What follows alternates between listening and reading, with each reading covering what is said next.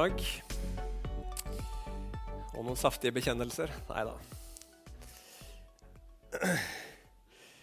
Men eh, åndens frukt, den, eh, den, trenger vi. Og dette her er kanskje noe av det mest berømte av vers som du finner i Galaterbrevet, nemlig eh, at åndens frukt er kjærlighet og glede og fred. Og så glemmer vi de seks siste, for de husker vi aldri. Men det er altså tålmodighet, vennlighet, godhet, trofasthet. Så er det saktmodighet, som vi kan oversette med ydmykhet, og selvbeherskelse eller selvdisiplin eller selvtukt. Uansett, vi ser her at Paulus nå er inne i veldig en veldig praktisk del av sin eh, utleggelse av evangeliet. Evangeliet handler ikke bare om å, liksom, å tro på noe som gir oss litt glede i hjertet, men det er også en, en tro som påvirker hvordan vi lever livene våre, som har veldig praktiske konsekvenser. Men det er samtidig viktig å si at det Paulus sier her, eller det Paulus gjør her, er ikke at han liksom smugler loven inn igjen på slutten av brevet sitt og egentlig sier du skal være kjærlig, du skal være glad, du skal være vennlig osv. Nei, det han snakker om, og som er overskriften vår her også, det er hvordan Gud forandrer deg og meg på dypet. For det er der forandringen må skje. Vi må bli forandra på dypet. Og I dag så har jeg bare to punkter. Og Vi skal ganske enkelt se på vårt problem, som er kjøttets lyst eller begjær. Og så skal vi se på Guds løsning, som er det å vandre i ånden. Så disse to tingene skal vi snakke om i dag. Vårt problem, kjøttets lyst, og Guds løsning, å vandre i ånden. Så har du med deg Bibel, så kan du få slå opp i Galaterbrevet, kapittel 5. Og så skal vi lese fra vers 16 og utover i Jesu navn. Der står det Men jeg sier, vandre i ånden, og dere skal slett ikke fullføre kjøttets begjær. For kjøttet står eller begjærer imot ånden, og ånden imot kjøttet. Og disse to står imot hverandre for at dere ikke skal gjøre de ting dere vil. Men hvis dere blir ledet av Ånden, da er dere ikke under loven. Kjøttets gjerninger er åpenbare. De er ekteskapsbrudd, hor, urenhet, skamløs utukt, avgudsdyrkelse, trolldom, hat, stridigheter, sjalusi, vrede, selvhevdelse, splittelser, partier, misunnelse, mord, drukkenskap, umoralsk festing og andre slike gjerninger. Om disse gjerningene sier jeg dere nå på forhånd, slik som jeg også sa til dere tidligere, at de som gjør slikt, ikke skal arve Guds rike.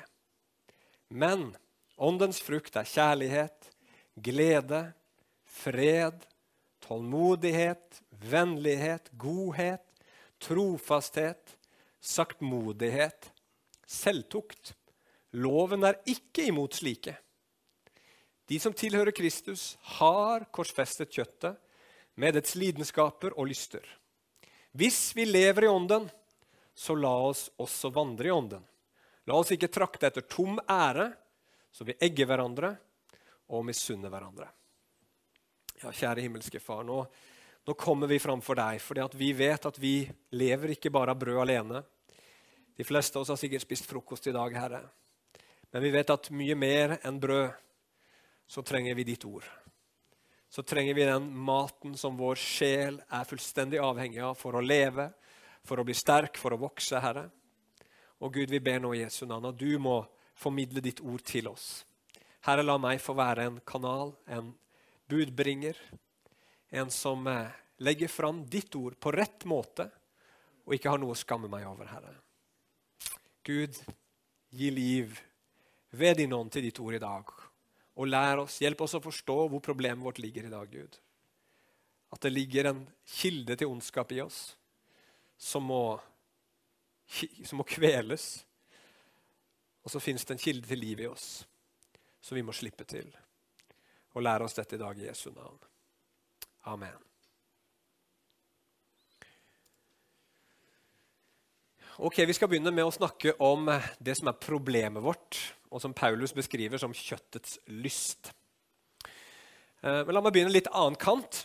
Når, når mennesker ser på verden, ser på den ondskap som regjerer og herjer i verden, og som du merker i ditt eget liv, og som vi ser på nyhetene, og som er rundt omkring oss, så er det på en måte to spørsmål som trenger et svar. Det første spørsmålet er spørsmålet om rettferdighet. Når det skjer så mye ondt i verden, hvordan kan vi da ta et oppgjør med denne uretten? Hvordan kan vi bringe rettferdighet når det har skjedd så mye ondt og galt og urettferdig i verden? Så Det ene spørsmålet. Det andre spørsmålet er har med ondskapen selv å gjøre. Altså, Hvordan kan vi stoppe denne ondskapen? Hvordan kan vi hindre den i å fortsette og gjøre en slutt på den? Hvordan kan vi få vekk ondskapen? Så bringe rettferdighet, altså ting må gjøres opp. All urettferdighet som har skjedd, må gjøres opp. Og så må vi sette en stopper for denne ondskapen. Og Det som er så fantastisk synes jeg, med, med evangeliet og med Bibelen, det er at den tar disse to spørsmålene her på alvor. I all sin bredde, med alle sine fasetter, med hele sitt innhold. Den, baser, den presenterer ingen sånn lettvint løsning som er basert på en overfladisk forståelse av vår tilstand. Så Når det gjelder for spørsmålet om rettferdighet, så sier ikke Bibelen bare at jo da med, rett, med rettferdighet skal ordne seg. Fordi Gud kommer tilbake en dag, så skal han dømme verden. Og da blir det rettferdighet. Da kommer Gud til å straffe all synd og all urett. For som vi vet problemet med det, og som Bibelen beskriver så tydelig for oss, det er at ondskapen er noe som har spredd seg ut til oss alle. Og Hvis Gud en dag kommer igjen og skal dømme verden, så er det dårlige nyheter for oss alle sammen. Og Det fantastiske med evangeliet er at Gud sier jeg skal bringe rettferdighet, men det fins to måter jeg kan bringe rettferdighet inn i ditt liv på. Enten ved at du en dag står foran meg på dommens dag og skal prøve å føre din sak framfor meg og si og forklare hvorfor du levde sånn som du gjorde, og hvorfor det ikke var så ille og ikke var så galt, og du hadde gode grunner til det. Og Da går du fortapt. Eller du kan få lov til å skjule deg i Kristus. Du kan få lov til å tro på Jesus, som er Guds sønn, som ble menneske og bar straffen i vårt sted. Sånn at du blir frikjent, selv om du i deg selv er skyldig. Men det blir rettferdig allikevel, for straffen har allerede falt på Kristus. Gud har allerede dømt. Så Gud han tar virkelig i evangeliet et oppgjør og ordner opp i det som har med rettferdighet å gjøre. Men det løser jo ikke automatisk problemet med ondskapen i verden. ikke sant? Hvis Gud tilga alle mennesker gjennom Jesus, hvis alle tok imot Jesus og fikk tilgivelse Men du og jeg fortsatte å leve sånn som før. Snakke sånn som vi gjør, tenke sånn som vi gjør, gjøre de gjerningene vi fortsatt gjør i dag. Så ville vi ikke hatt noe håp om noen himmel. Og hvorfor det? Jo, for da ville jo himmelen vært akkurat sånn som på jorda. For vi, vi, ville holdt på med akkurat de samme tingene. Det eneste, ville, eneste problemet ville, at, ville, vært at vi Eller det, største, det, enorme problemet da ville vært at det ville pågått i all evighet. Så det ville blitt verre enn på jorda. Så skal det finnes noe håp for deg, for meg, for menneskeheten som helhet, så må Gud gi oss noe mer enn bare tilgivelse for syndene våre.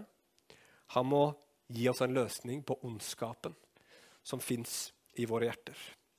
Og som Galaterbrevet her forklarer oss så veldig bra, så holder det ikke med en sånn type overfladisk løsning som sier ja, men det er bare å gjøre det som er rett.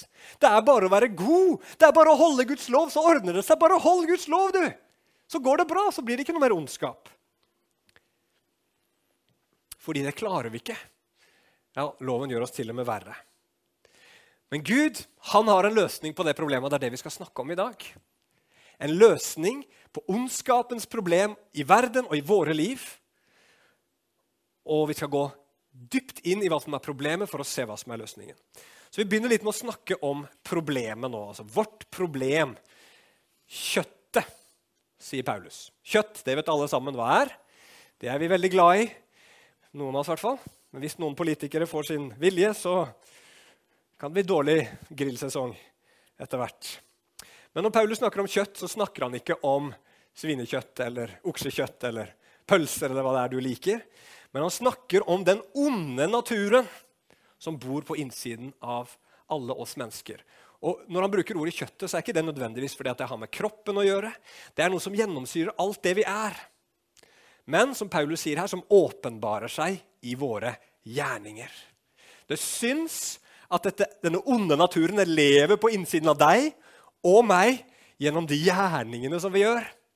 Derfor er Paulus opptatt av å si at vi kan ikke bli frelst av gjerninger. For alt de gjerningene våre gjør, er å fortelle oss at vi er syndere.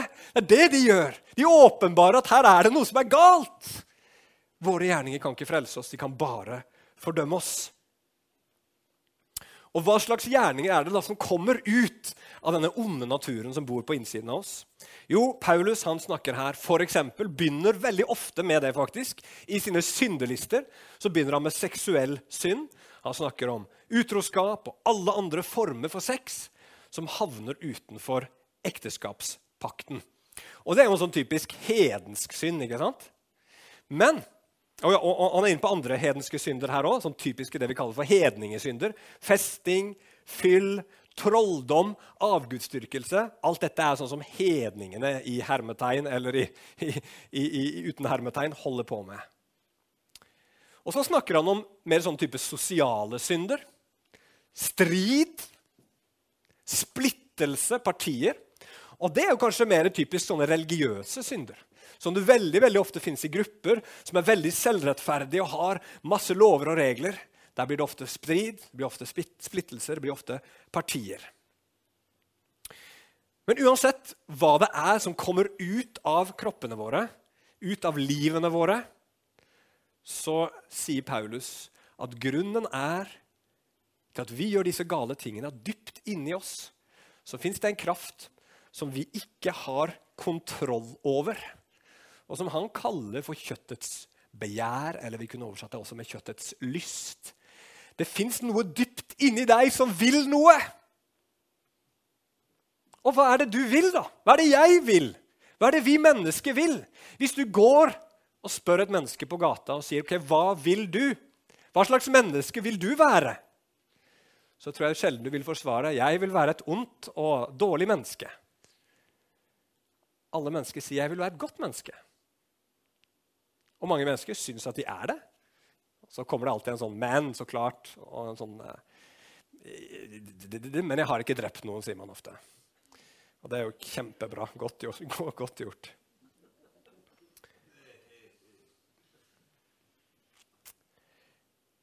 Men vi vil være gode. Det er mange ting vi ikke vil si, mange ting vi ikke vil tenke, mange ting vi ikke vil vil, vil ha av type holdninger. Det er mange ting vi ikke vil gjøre. Og så er det mange ting vi ønsker å gjøre. Vi ønsker å være sjenerøse. Vi ønsker å hjelpe de som trenger det. Vi ønsker å bruke tiden vår på gode og fornuftige ting som bygger oss opp, og ikke liksom er bortkasta tid og som bryter oss ned. Og så står vi der alle sammen og sier ja, jeg vil være et godt menneske. jeg vil gjøre sånn Og sånn og sånn, og så er det ingen av oss som lever opp til idealene våre. Snarere tvert imot. Vi feiler ganske grundig, alle som en. Vi vil være gode, men vi er ikke det. Fordi det fins en vilje som er dypere enn den viljen til å være god. Og det er den som Paulus kaller for kjøttets lyst. Og hva er det du og jeg vil dypt inni oss? I det, vårt innerste indre, hva er det du ønsker? Er det å være ond? Nei, faktisk så tror jeg det at innerst inne i alle våre liv så ønsker vi veldig enkelt å være lykkelige og ha det godt. Tenker godt etter, så er det det du vil innerst inne i hjertet ditt. Du vil være lykkelig og ha det godt. Hvordan i all verden kan det bli synd og sånne kjøttets gjerninger av det? Jo, for hvis du og jeg tenker godt gjennom disse tingene som Bibelen kaller synd, så forstår vi at de veldig ofte har, et, har sitt opphav i noe som er godt. En lengsel etter noe som er godt. Som for eksempel, det første Paulus nevner her, bryte ekteskapet. Hvorfor bryter man ekteskapet og driver hor, som Bibelen kaller det for? Jo, Veldig ofte fordi man søker kjærlighet, man lengter etter nærhet, eller man søker spenning. Og det er jo ikke gale ting i seg selv å søke det. Men Gud sier at det er den måten å søke på, det på er galt. Men det begynner med en lengsel etter noe godt. Hvorfor lyver man? Det er jo som oftest for å beskytte seg sjøl, kanskje. Gi et godt inntrykk hvis du har gjort noe skikkelig dumt. Og det kan sverte hele ditt omdømme. Så er det en fordel å lyve litt og si ja, det var ikke meg, eller det var ikke sånn. eller... Eller vi kan lyve for å unngå ubehagelige situasjoner. Er det galt å ville gjøre et godt inntrykk på mennesker? Nei. Er det galt å ville unngå ubehagelige situasjoner? Nei. Men vi gjør det på en måte som er imot Guds bud. Løgn er ikke måten å gjøre det på. Sinne. Nå blir du sint. Jo, som oftest er det jo fordi at vi opplever at vi mister kontroll, eller at freden vår på en eller annen måte trues. Er det noe galt i å ville ha kontroll? Nei. Er det noe galt å ønske å ha et fredelig og godt liv? Nei. Men sinne er ikke måten å reagere når vi føler at vi mister det. Baksnakking. Veldig ofte så kommer det av et, en lengsel etter å oppleve å bli anerkjent i et eller annet fellesskap, føle seg innafor, føle seg verdifull. Er det noe galt i det? da? Nei, det er det heller ikke noe galt i. Men det er bare at vi baksnakker. Vi kan liksom si en eller annen hemmelighet om en annen person. Så kan vi liksom eh, godte oss litt sammen over hvor fantastisk flotte vi er, og hvor heldige vi er som ikke er den. Og så føler vi på en sånn fellesskapsfølelse osv. Så, videre. så det som på en måte er kjernen i syndens problem i oss mennesker, det er at det fins et godt og dypt behov inni oss som gir seg utslag i onde gjerninger. Fordi du og jeg har disse behovene, dette dype behovet etter slike ting som anerkjennelse, kjærlighet, fred, kontroll osv. Fordi du og jeg ble skapt for å finne disse tingene i Gud selv. Gud skapte oss sånn at ikke vi skulle være sånne eh, selvstendige vesener som klarer oss på egen hånd. Han skapte oss for å være avhengig av han. Og den avhengigheten den fins ikke der liksom at det er greit å ha, vite at det fins en Gud der. Nei, Gud skapte oss avhengig av han på det dypeste mulige plan. I vårt aller innerste og dypeste vesen. Og da, når mennesket, sånn som Bibelen forteller det, i Edens hage forlot Gud, brøt hans bud, gikk på sin egen vei så er det behovet fortsatt veldig til stede der. Men fordi man har vendt ryggen til Gud og, og skapt et fiendskap med Gud, så er man nødt til å prøve å tilfredsstille disse dype behovene i verden rundt seg. Finne det i mennesker, eller finne det i ting som aldri kan tilfredsstille. Og det som skjer Da da går vi over grensen for hva Gud har sagt er godt og bra for oss. Vi går inn på et ødeleggende territorium, og så søker vi disse tingene og så gjør vi ting som Gud har sagt det er ikke bra, for det ødelegger. Og så ødelegger vi oss selv, og så ødelegger vi hverandre. Og så blir jo problemet da i tillegg at vi aldri blir tilfredse. Du søker dette, du søker disse dype tingene, og så får du aldri nok. Derfor søker du igjen og igjen. Og Derfor så gjentar vi disse syndene. Selv om vi har prøvd mange ganger, vet at det ikke fører fram. Det fyller ikke hjertet mitt, det gir ingen glede, det gir dårlige frukter. Men alle sammen er vi idioter som gjør samme feilen om igjen, om igjen og om igjen. Som en flue som sitter i vinduskarmen og ser der ute er det frisk luft. Og så flyr den. Zoom, zoom, zoom. Zoom, dunk, dunk, dunk, dunk, dunk, dunk. Nå skal det gå, nå skal det gå, nå skal det gå. nå skal det gå. Og til slutt så dør den der. Du finner det gjerne i vinduskarmen. Er ikke vi akkurat like som de? Og Så sier Paulus at den som lever etter kjøttets gjerninger, skal ikke arve Guds rike. sier han. Og det betyr, Hvis man lever på den måten, hvis man lever ut ifra sitt kjøtt, ut ifra denne dype eh, falne naturen, så går man fortapt. Og du skjønner kanskje hvorfor. For at Hvis du skal arve Guds rike, så kan du ikke sjøl ville være konge. For det, er en annen som er konge i det riket. Han heter Jesus. Og Hvordan blir det for deg i himmelen hvis du er en sånn som kommer inn i himmelen og vil søke den dype tilfredsstillelsen i ting som bare er tomhet?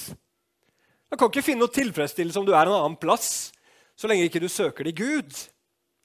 Og hvordan kan evigheten bli god for deg og for meg og for oss alle, som jeg sa i stad, hvis synden regjerer i livene våre? Så for å gi et bilde av hvordan du og jeg er åndelig sett, så er vi et slags åndelig beinrangel, om du vil. Sykt forkrøpla fordi vi er underernært og feilernært. Og så er vi døden nær. Vi er liksom ødelagte av å søke lykke alle andre plasser enn Gud og har smakt syndens gift igjen og igjen. Og Da forstår vi at vi mennesker trenger mer enn bare tilgivelse. Vi trenger definitivt tilgivelse. Vi trenger mer enn det.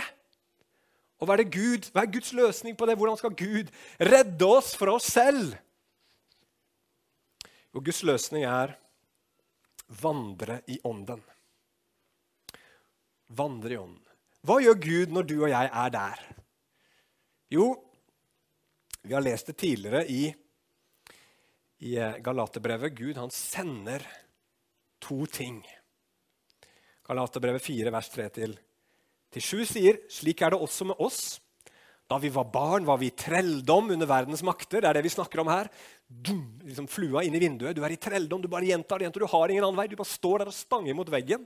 Men da tidens fylde kom, sendte Gud Det er første sendelsen. Han sendte Gud sin sønn, født av en kvinne, født under loven, for å kjøpe fri dem som var under loven, for at vi skulle få del i barnekåret. Og fordi dere er sønner, har Gud sendt sin sønns ånd, den andre sendelsen, inn i våre hjerter som roper 'Abba, far'. Derfor er du ikke lenger slave, men sønn. Og hvis du er sønn, da er du Guds arving ved Kristus. Og tenk her nå, Pga. kjøttets gjerninger så skulle vi ikke arve Guds rike. Men så sier Paulus her, men nå, pga av Sønnen som har blitt sendt, pga. Ånden som har blitt sendt inn i våre hjerter, så blir vi sønner og Guds arvinger. Arvinger til hva han har gjort i Hans rike. Da blir vi arvinger til Hans rike. Da får vi del i Hans rike gjennom Sønnen og gjennom Ånden. Sønnen døde for våre synder. Det som skilte oss fra Gud. Synden tok Jesus vekk, så veien ble åpna. Og når Jesus døde på det korset for deg og meg, så åpenbarer han på den mektigste og tydeligste måten det er mulig at Gud faktisk fortsatt elsker syndere som oss, som har gått og forkasta Gud og søkt å finne lykke og glede i andre ting. Han elsker oss fortsatt han elsker oss fortsatt så mye at han gir seg selv i sin sønn på korset for å dø for oss. Dermed så dras våre hjerter til han. Og idet du og jeg sier ja til den invitasjonen, og vender om fra synden, vender oss til Gud, så kommer Ånden inn i våre hjerter og gjør denne Guds kjærlighet, gjør denne veien inn til Gud til noe levende, til noe håndgripelig, som du og jeg får lov til å erfare i våre liv. Som vi får lov til å vite. Jeg er elska. Jeg er tilgitt. Jeg er et Guds barn. Jeg har framtid, jeg har håp, og jeg har det alt sammen i Jesus Kristus. Og da, når vi kommer inn i den relasjonen til Gud, så får mitt tomme og utsulta indre for næring. Og så begynner jeg å forandre meg. Og så begynner jeg å bli det jeg var skapt til å være. Og Det kaller Paulus her i vers 25 å leve ved ånden. Vers 25. Der brukes et gresk ord som vi på norsk har zoologi og zoologisk hage ifra. Ofte er det det ordet som Bibelen bruker om det åndelige, nye åndelige livet som vi får som kristne. I det ånden kommer inn. Vi var døde, men nå lever vi. Vi er oppreist med Kristus, i Bibelen. Og så er spørsmålet hvis det, hvis det har skjedd, hvis Gud har gjort det Er det sånn at nå bor vi alle sammen i Hallelujagaten 777? Og der, uh, vi har halleluja-folket i Hallelujadalen. Er du totalt forandra? Og svaret på det spørsmålet er i grunn ja og nei. Ja, noe nytt har kommet.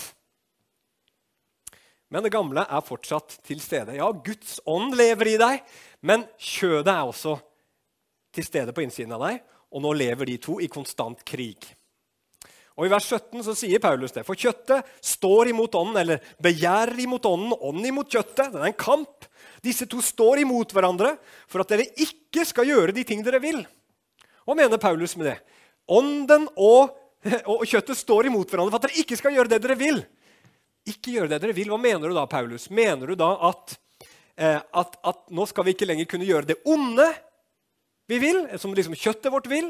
Eller mener du at at, at, denne kampen gjør at det blir vanskelig for oss å gjøre det gode vi vil? Og Svaret på det er også ja. For du merker at det er noe i deg, selv om du er en kristen som fortsatt vil leve som før. Men så merker du at det er altså et eller annet i livet ditt som hindrer deg i å gjøre det. Og så merker du at det har kommet noe nytt inn i livet ditt, som vil leve annerledes, som vil leve i selvoppofrende kjærlighet til Gud og mennesker. Og så er det også noe som gir det veldig motstand. Er det andre som har kjent det sånn noen ganger? Altså Helt i begynnelsen av kristenlivet. Ikke nå lenger, så klart. Men for lenge, lenge siden. Så hvordan kan du vinne i den kampen som foregår på innsiden av deg? Jo, Da sier Paulus følgende her i vers 16.: Du må vandre i ånden, sier han. Vers 18.: Du må bli leda eller drevet av ånden. Og vers 25, som best er oversatt, du må følge ånden. Og 1000 kroner spørsmålet er da hvordan gjør jeg det? Hvordan vandrer jeg i ånden? Hvordan blir jeg drevet av ånden? Og hvordan følger jeg ånden? Eller ikke ved å leve under, under, loven, i hvert fall, sier eh, vers 18 her. Det er ikke bare å si ja, men nå er, det er bare å gjøre det du skal. Det er bare å gjøre de riktige tingene, så går det bra. Nei, problemet er veldig ofte da at du kan gjøre alle de riktige tingene, men med helt feil motivasjon. ikke sant? Du må begynne i en helt annen ende. Når du vandrer i ånden, når du blir ledet av ånden og følger ånden, så handler det om å gi seg over til et begjær. Men til et nytt begjær. Til åndens begjær. For det fins dette kjødets begjær i deg, men så har ånden kommet inn, og han har også et begjær. Han lengter etter noe. Han, han, han, han vil noe så sterkt. Og hva i all verden er det? Jo, det er to ting som vi skal fokusere på helt til slutt. For det første, det han vil, det er at han vil herliggjøre Jesus. Den hellige ånd som er inni deg, han vil gjøre Jesus stor. Han vil gjøre Jesus levende. Han vil gjøre Jesus konkret. Han vil gjøre Jesus virkelig. Han vil gjøre alt det Jesus har gjort, til noe som stråler inn i ditt hjerte. På en måte som berører deg, på en måte som gjør noe med deg. Det vil Den hellige ånd. Og Derfor så sier Jesus i Galaterbrevet Nei, Johannes, mener jeg. Galaterbrevet var feil. Johannes 7, vers 37. Om noen tørster, han skal komme til meg og drikke. Den som tror på meg, som Skriften har sagt, ut fra hans indre skal det flyte strømmer av levende vann. Men dette sa han om ånden, den som skulle bli gitt dem som trodde på ham. For Den hellige ånd var ennå ikke gitt, siden Jesus ennå ikke var herliggjort. Når vi kommer til Jesus, og ånden herliggjør han, så slukkes den dype tørsten som du er her på innsiden. For at Jesus blir stor, og så ser vi at i Jesus har vi alt vi trenger. Og I teksten her, når Paulus snakker om åndens frukter, så tror jeg nettopp det handler om disse tre første fruktene. Kjærlighet, glede, fred. Tenk litt på de tre ordene der. Hva er det egentlig det handler om? Handler det om at hvis, hvis, hvis åndens frukt er kjærlighet, glede, fred, betyr det at jeg blir mer kjærlig? Eller betyr det at jeg erfarer Guds kjærlighet? Betyr det at jeg blir mer glad? Eller at jeg opplever Guds glede? Betyr det at jeg blir mer fredfull overfor andre mennesker? At jeg erfarer Guds fred på innsiden? Og svaret på det er igjen ja. Det er begge deler. For det er klart at vi mennesker, hva søker vi? Vi søker anerkjennelse, vi søker verdi. Det får du i Guds kjærlighet. Og når du kjenner deg elska, så elsker du andre mennesker. Vi søker tilfredsstillelse, og vi søker mening. Hvor finner du det? Jo, det finner du når Gud blir din glede. Og Vi søker trygghet og indre hvile. Og hvor finner vi det? Jo, vi finner det når Gud blir vår fred. Og da blir vi glade mennesker. Og da blir vi fredfulle mennesker. Men så er spørsmålet hvordan får man dette her i gang? Altså, Hvordan får jeg ånden til å gjøre dette levende for meg? Hvordan får jeg ånden til å herliggjøre Jesus for meg? Så jeg liksom drikker av dette levende vannet. Og det er noen fine vers som vi skal bare kjapt lese og sammenligne, som gir oss et svar på det. Efeserne 5, 18-20 sier Og legg merke til hva som er likt, og hva som er forskjellig. Efeserne 5, 18-20 sier Og bli ikke full av vin, for det fører bare til utskeielser, men bli fylt av Ånden slik at dere taler til hverandre med salmer og lovsanger og åndelige viser, idet dere synger og spiller i deres hjerter for Herren, og alltid takker Gud vår Far for alle ting i vår Herre Jesu Kristi navn. Og så Kolosserne 3, 16-17. La Kristi ord bo rikelig i dere i all visdom, slik at dere underviser og formaner hverandre med salmer og lovsanger og åndelige sanger, og ved nåden synger i deres hjerte for Herren. Og hva dere enn gjør i ord eller gjerning, gjør alt i Herren Jesu navn, og takk Gud Faderen ved ham. Hva er likhetene? Nå har jeg gjort jobben veldig enkel for dere, for jeg har understreka de. Man synger til hverandre. Man synger i hjertet for Gud, og man lever i rik takknemlighet. Det finner du både i Efeserbrevet og i Kolossebrevet. Men så er det én hovedforskjell. Og det er at Efeserbrevet sier 'bli fylt av ånden', og så får du den effekten. Og Kolossebrevet sier 'la Kristi ord bo rikelig blant dere', så får du den effekten. Ser du sammenhengen? Når vi lar Guds levende ord Bare tenk på at det er et levende ord. Bo rikelig blant oss. Sånn som vi, når, sånn som vi, skal gjøre når vi kommer sammen. Vi skal høre Guds ord, vi skal dele Guds ord med hverandre. Når du, når, i, i, familien din eller i, i, i, smågruppa hvor du går, så skal det være det som skjer. Og, og, og personlig i ditt eget andaktsliv også så skal du la Guds ord bo rikelig i ditt liv. Hva skjer da? Jo, ånden elsker det. For ånden han, han ønsker bare én ting, nemlig å gjøre Jesus synlig og tydelig. Og da gir du ånden noe håndgripelig som han kan ta, bak, ta tak i og gjøre levende for deg. Og når det er rikelig til stede, så er det rikelig av ting som ånden kan ta tak i og fylle oss med og gjøre levende for oss. Og det å bli fylt av ånd det handler ikke bare om at du får gåsehud og litt, sånne der, litt sånn gode følelser. For det kan du få på hvilken som helst konsert, bare musikken er bra nok. Men det handler om at Jesus blir stor og levende for deg, virkelig for deg. Og jeg er helt overbevist om at det var det som skjedde med de første kristne på pinsedag. De visste alt om Jesus. Men da ånden kom, så så de hvem Jesus virkelig var. At han var konge over himmel og jord. At det var sant det han hadde sagt han hadde, rett før han forlot dem, at 'meg er gitt all makt i himmel og på jord'. Og så så de det. Så tenkte de hvis Jesus har fått all makt i himmel og på jord, hvorfor sitter vi da her inne og er livredde for disse romerske soldatene eller de jødiske lederne? De så noe, og så ga de det de frimodighet. Og det er herlig med det at da, når du ser Jesus levende, og han blir levende for deg, så tilfredsstilles hjertet. Da blir dette dype behovet møtt, for det, det, det, kommuniseres til oss via Jesus, som åpenbarer Guds kjærlighet for oss, i ånden som gjør det levende for oss. Og når du er mett, når du er tilfredsstilt på dypet, da trenger du ikke lenger disse tingene som denne verden tilbyr, som ikke kan tilfredsstille. Når du har smakt det ekte, så vil du ikke ha det som er fake. Og der må vi leve vandre i ånden og drikke stadig vekk, så ikke du går rundt med et sånt sultent hjerte, men så det hele veien er mett i Guds kjærlighet og Guds nærvær.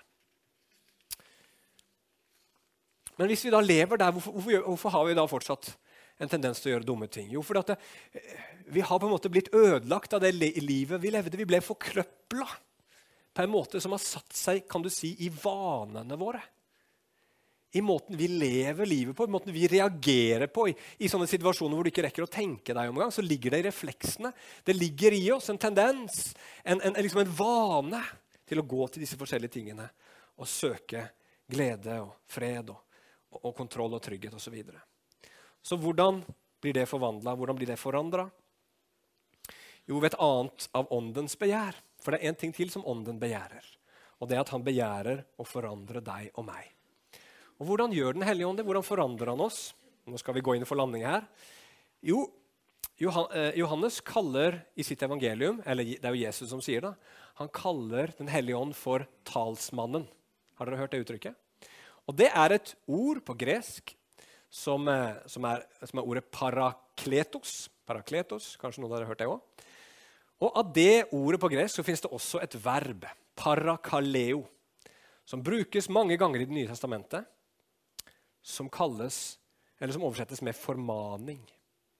Så når det står at Den hellige ånd er talsmannen, så kunne det også oversatt med at han er formaneren. Og hva i all verden er det? Jo, Paulus han, han snakker om dette her å leve det nye livet ganske mange ganger i brevene sine. Dette å, å liksom erfare og se åndens frukt i livet, livet sitt. Og I Efeserbrevet for eksempel, så sier han følgende fra vers, eh, kapittel 4, vers 22 til 32. Lev da ikke som før, men legg av det gamle mennesket, som blir ødelagt av de forførende lystne. Bli nye i sjel og sinn. Kle dere i det nye mennesket, som er skapt i Guds bilde, til et liv i sann rettferd og hellighet. Legg derfor av løgnen, snakk sant til hverandre, for vi er hverandres lemmer. Blir dere sinte, så synd ikke, og la ikke solen gå ned over deres vrede. Gi ikke djevelen rom. Den som har stjålet, skal ikke lenger stjele, men arbeide og gjøre noe nyttig med sine egne hender, så han kan ha noe å gi til dem som trenger det. La ikke et eneste råttent ord komme over leppene. Si bare det som er godt, og som bygger opp der det trengs, så det kan bli til velsignelse for dem som hører på. Gjør ikke Guds hellige ånd sorg, for ånden er det seil dere er merket med helt til frihetens dag. Slutt med all hardhet og hissighet, med sinne, bråk, spott og all annen ondskap. Vær gode mot hverandre, vis medfølelse og tilgi hverandre, slik Gud har tilgitt dere i Kristus. Hva er det Paulus holder på med her? Jo, helt i begynnelsen av dette kapitlet, Efeserbrevet 4.1, så sier han som en innledning til det her Så formaner jeg dere, jeg som er fange for Herrens skyld, at dere lever et liv som er verdig det kallet dere har fått. Formaning. Formaning. Ånden, formaneren, og hans verk i våre liv er formaning. Fortelle oss hvordan vi skal leve. Men er ikke det det samme som loven, da? Er ikke det som, det som Paulus har sagt i hele brevet, at det skal vi ikke gjøre? Nei, det er en milevid forskjell. Hør bare godt etter på hva Paulus sier her. Lev et liv som er verdig det kallet dere har fått, sier han. Han sier ikke 'lev et liv slik at dere kan bli verdige til å bli kalt'. Hører at det er veldig stor forskjell på de måtene å snakke på. Loven sier 'gjør dette, og du skal leve'. Men kristen formaning sier 'du lever allerede'. Kristus har gjort deg levende. Så lev da det nye livet. Lev da i Guds kraft. Du er allerede, allerede elska, så lev i kjærlighet. Du er allerede tilgitt, så tilgi. Gud har allerede bøyd seg ned for å tjene deg. Bøy du deg ned under Gud og din bror og søster for å tjene dem. Og Hvis Guds ånd bor i deg, og du hører på dette formaningsgreiene Det er jo ikke så veldig fint ord på norsk alltid. Formaning. Men i Bibelen så er det noe positivt ved det. Det ligger liksom en, en, både en, en, oppmuntring i det og et alvor samtidig. Det kommer fra en tro på at alt er i orden mellom deg og Gud. Og nå må du bare begynne å bli det du egentlig er. Nå handler det bare om å, å leve ut ifra den nye naturen du har fått. Og da vokser disse åndens frukter fram. For ånden i deg sier ja! Sånn vil jeg leve! Og Gud, tilgi meg! Jeg gjorde hvis ikke det går. Tilgi meg, Gud! Det vil jeg ikke gjøre igjen. Så vender vi om. Og så sier vi, Gud, hjelp meg nå til å leve sånn som jeg vil. Og så vokser åndens frukter som tålmodighet, vennlighet, godhet, trofasthet, ydmykhet og selvbeherskelse sakte, men sikkert fram. Og vet du hva? Dette her er noe som er uunngåelig for den som har fått Guds ånd på innsiden. Er ånden i deg, så vil åndens frukter vokse fram. Og tror du på Kristus, så står det her i vers 25 at kjøttet allerede er korsfesta. Det betyr ikke at det er dødt. Det var mange levende mennesker som hang på kors. Men du visste én ting om de som hang på korset, og det var at de var snart døde. Og det kan du også vite om ditt eget kjøtt. Det er døende. Det skal dø. Så det vi gjør da, er at vi fortsetter å vandre i ånden. Som viser oss hvem Jesus er og så lytter vi til Den hellige ånds formaning. Og dette her trenger vi hverandre for. Vi trenger fellesskap. Vi trenger tid med Gud alene i Hans ord, men vi trenger også fellesskapet. Og så En dag sier Bibelen, skal du se Jesus, og da skal du bli lik han. 1. Johannes 3, 2. Da er den forvandlingen som foregår nå, komplett. Amen. La oss be til slutt. Kjære himmelske Far. Herre, hjelp oss å vandre i Ånden. Hellige Ånd, lær oss dette. Lær oss å vandre i Ånden. Lær oss å leve ut ifra den sannheten som evangeliet forteller oss, og som Den hellige ånd levendegjør i våre hjerter. La det få prege våre liv. La det få prege våre ekteskap, våre familieliv, våre arbeidsplasser, våre nabolag. Herre, våre samtaler, våre tanker, våre gjerninger. Herre, vi ber om hjelp til det i Jesu navn. Amen.